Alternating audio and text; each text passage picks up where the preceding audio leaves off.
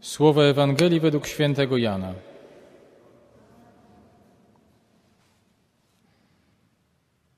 Jezus powiedział do swoich uczniów: Ja jestem prawdziwym krzewem winnym, a ojciec mój jest tym, który go uprawia. Każdą latorośl, która nie przynosi we mnie owocu, odcina, a każdą, która przynosi owoc, oczyszcza aby przynosiła owoc obfitszy.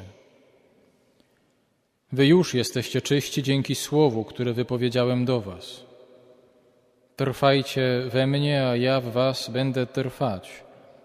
Podobnie jak latorośl nie może przynosić owocu sama z siebie, jeżeli nie trwa w winnym krzewie, tak samo i Wy, jeżeli we mnie trwać nie będziecie. Ja jestem krzewem winnym, Wy latoroślami. Kto trwa we mnie, a ja w nim, ten przynosi owoc obfity, ponieważ beze mnie nic nie możecie uczynić. Ten, kto nie trwa we mnie, zostanie wyrzucony jak winna latorośl i uschnie. Potem ją zbierają i wrzucają w ogień i płonie. Jeżeli we mnie trwać będziecie, a słowa moje w was, to proście o cokolwiek chcecie, a to wam się spełni. Ojciec mój przez to dozna chwały, że owoc obfity przyniesiecie i staniecie się moimi uczniami. Oto słowo Pańskie.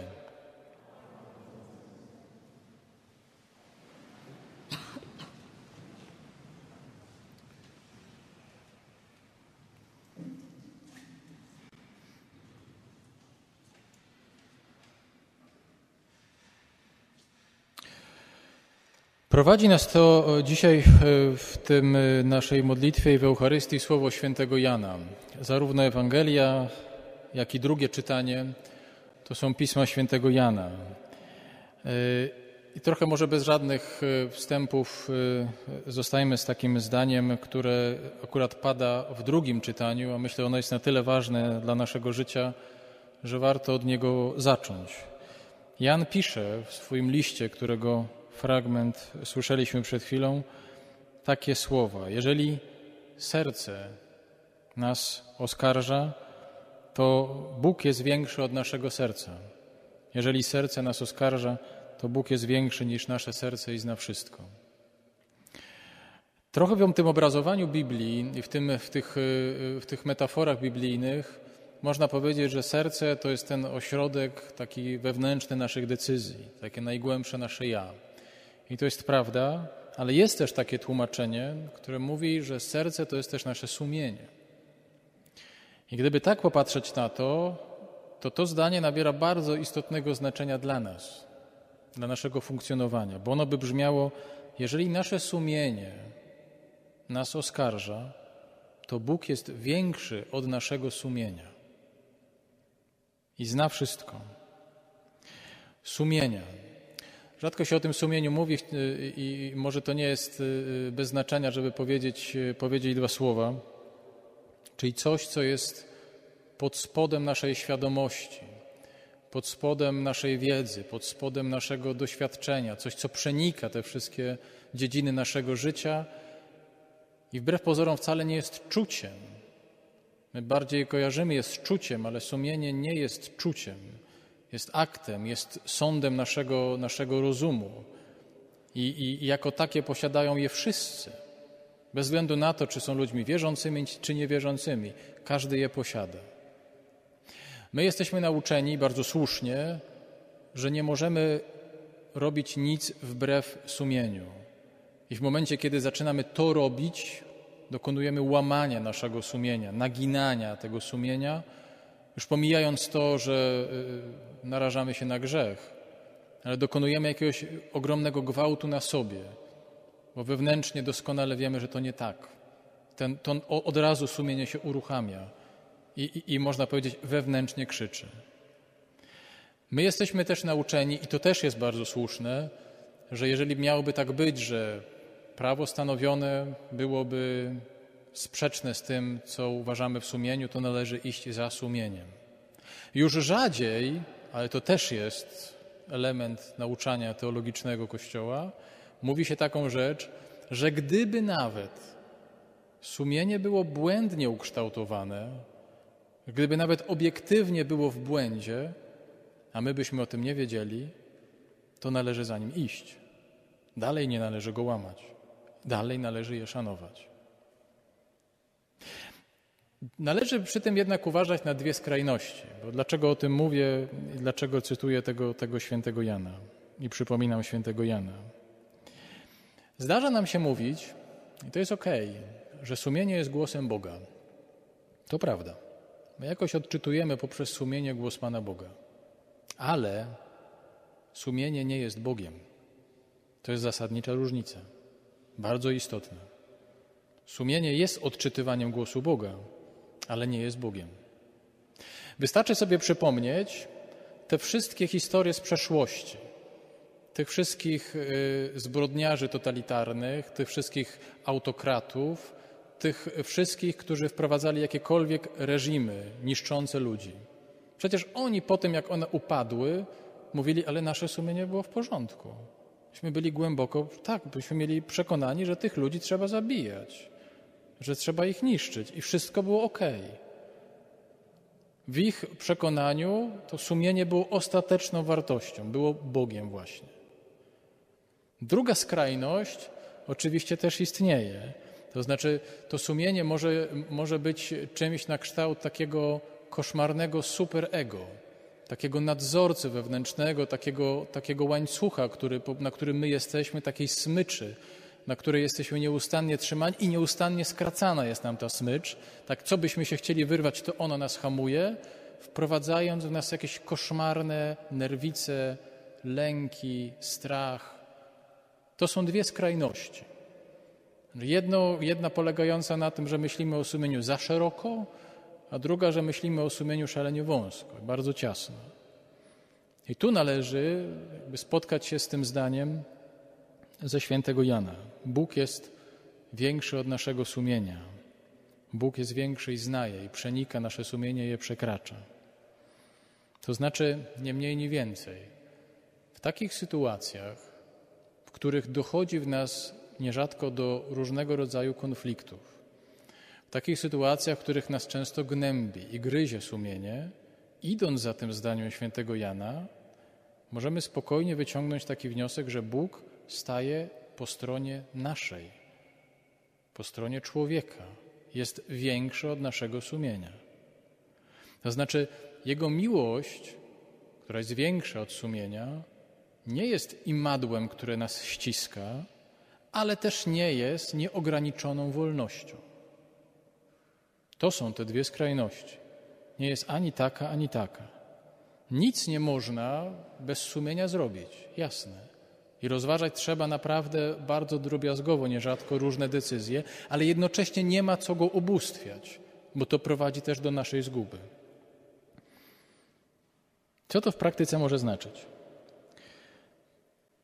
Nie wiem, czy pamiętacie, myślę, że doskonale to znacie to zdanie, ale nie wiem, czy akurat znacie jego autora, bo to zdanie zrobiło w ostatnich latach ogromną karierę i takie narosło wokół niego bardzo dużo różnych, różnych skojarzeń i, i nierzadko głupich skojarzeń.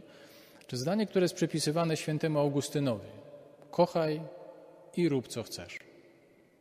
Zdanie, które myślę, że w wielu głowach wzbudza pewnego rodzaju niepokój, bo ono brzmi bardzo niebezpiecznie kochaj i rób co chcesz.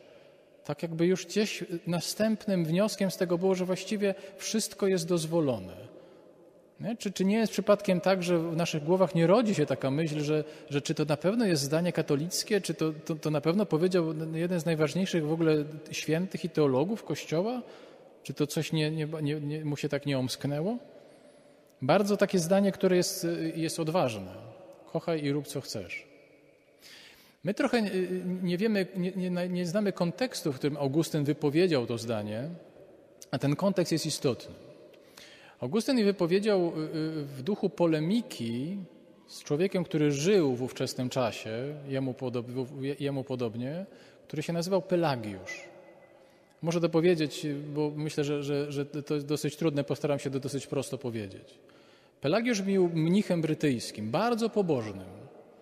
bardzo y, rozmodlonym, bardzo uduchowionym, bardzo żyjącym ascetycznie, co więcej dobrym kaznodzieją i bardzo popularnym. To nie był y, y, żaden jakiś w ogóle człowiek spod ciemnej gwiazdy. Nie, to był naprawdę człowiek, który, który żył bardzo przykładnie.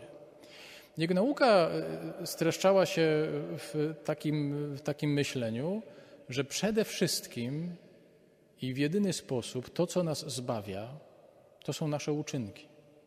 Praktykowanie cnót, praktykowanie ascezy, to wszystko, co jest naszym wysiłkiem, to, co sami zrobimy i dzięki temu się zbawiamy. Augustyn w tym duchu zauważył, że no, no jest to błędne myślenie. Że jeżeli zaczynamy myśleć tylko w kategoriach tego, ile sami damy radę zrobić, to sami jesteśmy zbawcami. Już nie potrzebujemy Boga. Pelagiusz mówił, streszczał Ewangelię najczęściej w duchu takiej moralności.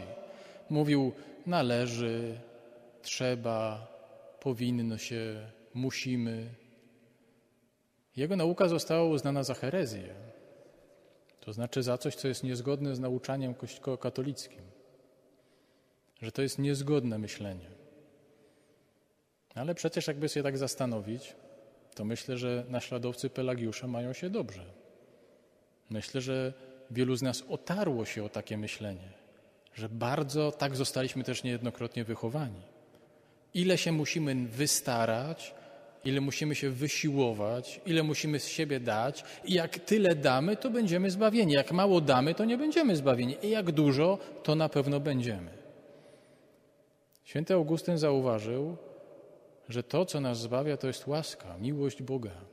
Oczywiście ważne są uczynki, bo one powodują to, kim jesteśmy, jakimi ludźmi jesteśmy. Pewne rzeczy nam przychodzi łatwiej, jeżeli praktykujemy cnoty. A jeżeli nie myślimy o tym, że to, to Bóg nas zbawia, to sami siebie czynimy zbawcami. I teraz przechodząc na ten poziom tego zdania, kochaj i rób co chcesz. Myślę, że Augustyn zupełnie inaczej rozumiał słowo kochaj. On mówił o tej miłości, o której dzisiaj Jan mówi w Ewangelii. Kochaj to znaczy bądź w takiej relacji z Jezusem, jak krzew winny i latorośl. Dla nas mieszkających w mieście to jest trochę dziwny obraz, mało spotykany. Ale generalnie czujemy, że to jest takie połączenie, gdzie nie widać, gdzie się jedno kończy, a drugie zaczyna.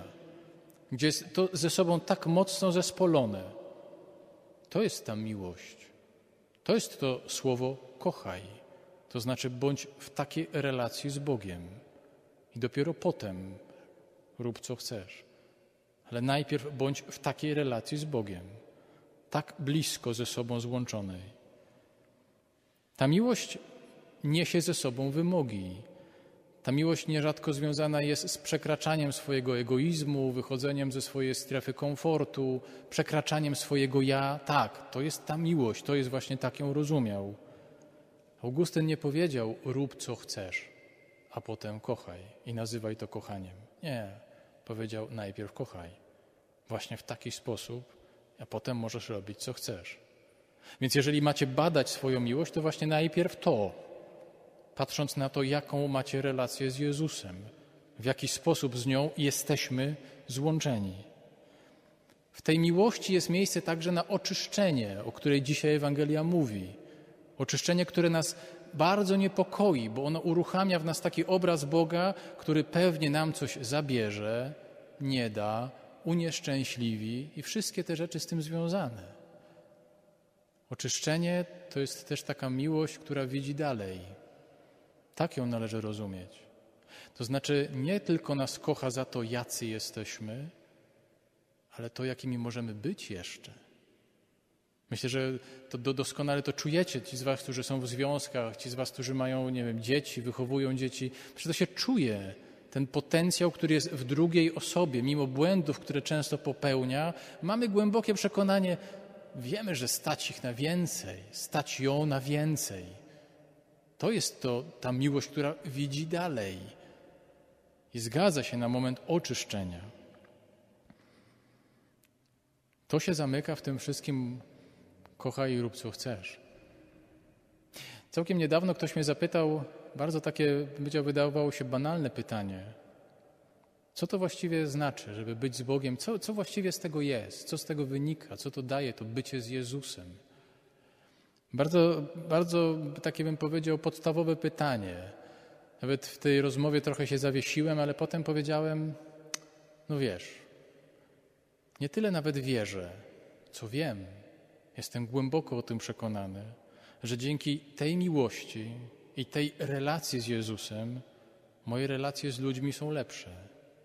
Moja praca jest lepsza. Moje odniesienie wzajemne do ludzi jest lepsze. Moje odniesienie do siebie jest lepsze. Jeżeli ktokolwiek z Was miałby takie poczucie, że droga z Jezusem i Ewangelią czyni go gorszym, to to nie jest Ewangelia, to to nie jest Jezus, to, to ktoś Was wpuścił na lewe sanki, Was wziął. To nieprawda. Nie. Nas czyni to lepszym. Lepszym pod każdym względem przeżywania siebie. To jest ten obraz krzewu i latorośli. Być z Bogiem w taki sposób. Jak myślę sobie, jak pomyślicie o tym, to zobaczycie, tego się nie da wyczytać w książce. Tego się nie da wysłuchać na wykładach. Tego się nie da wysłuchać na rekolekcjach, na kazaniach. Nie, to, to się dzieje tylko i wyłącznie przez to, że my stracimy swój czas, żeby zbudować z nim relacje. Tylko w taki sposób my się tego nauczymy. Tylko w taki sposób odkryjemy, co to znaczy, że On nas kocha i my Go kochamy i my jesteśmy z Nim. Dopiero wtedy możemy zacząć mówić: kochaj, rób co chcesz.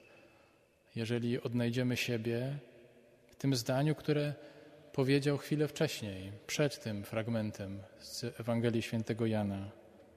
Nazwałem was przyjaciółmi. Wszystko wam oznajmiłem.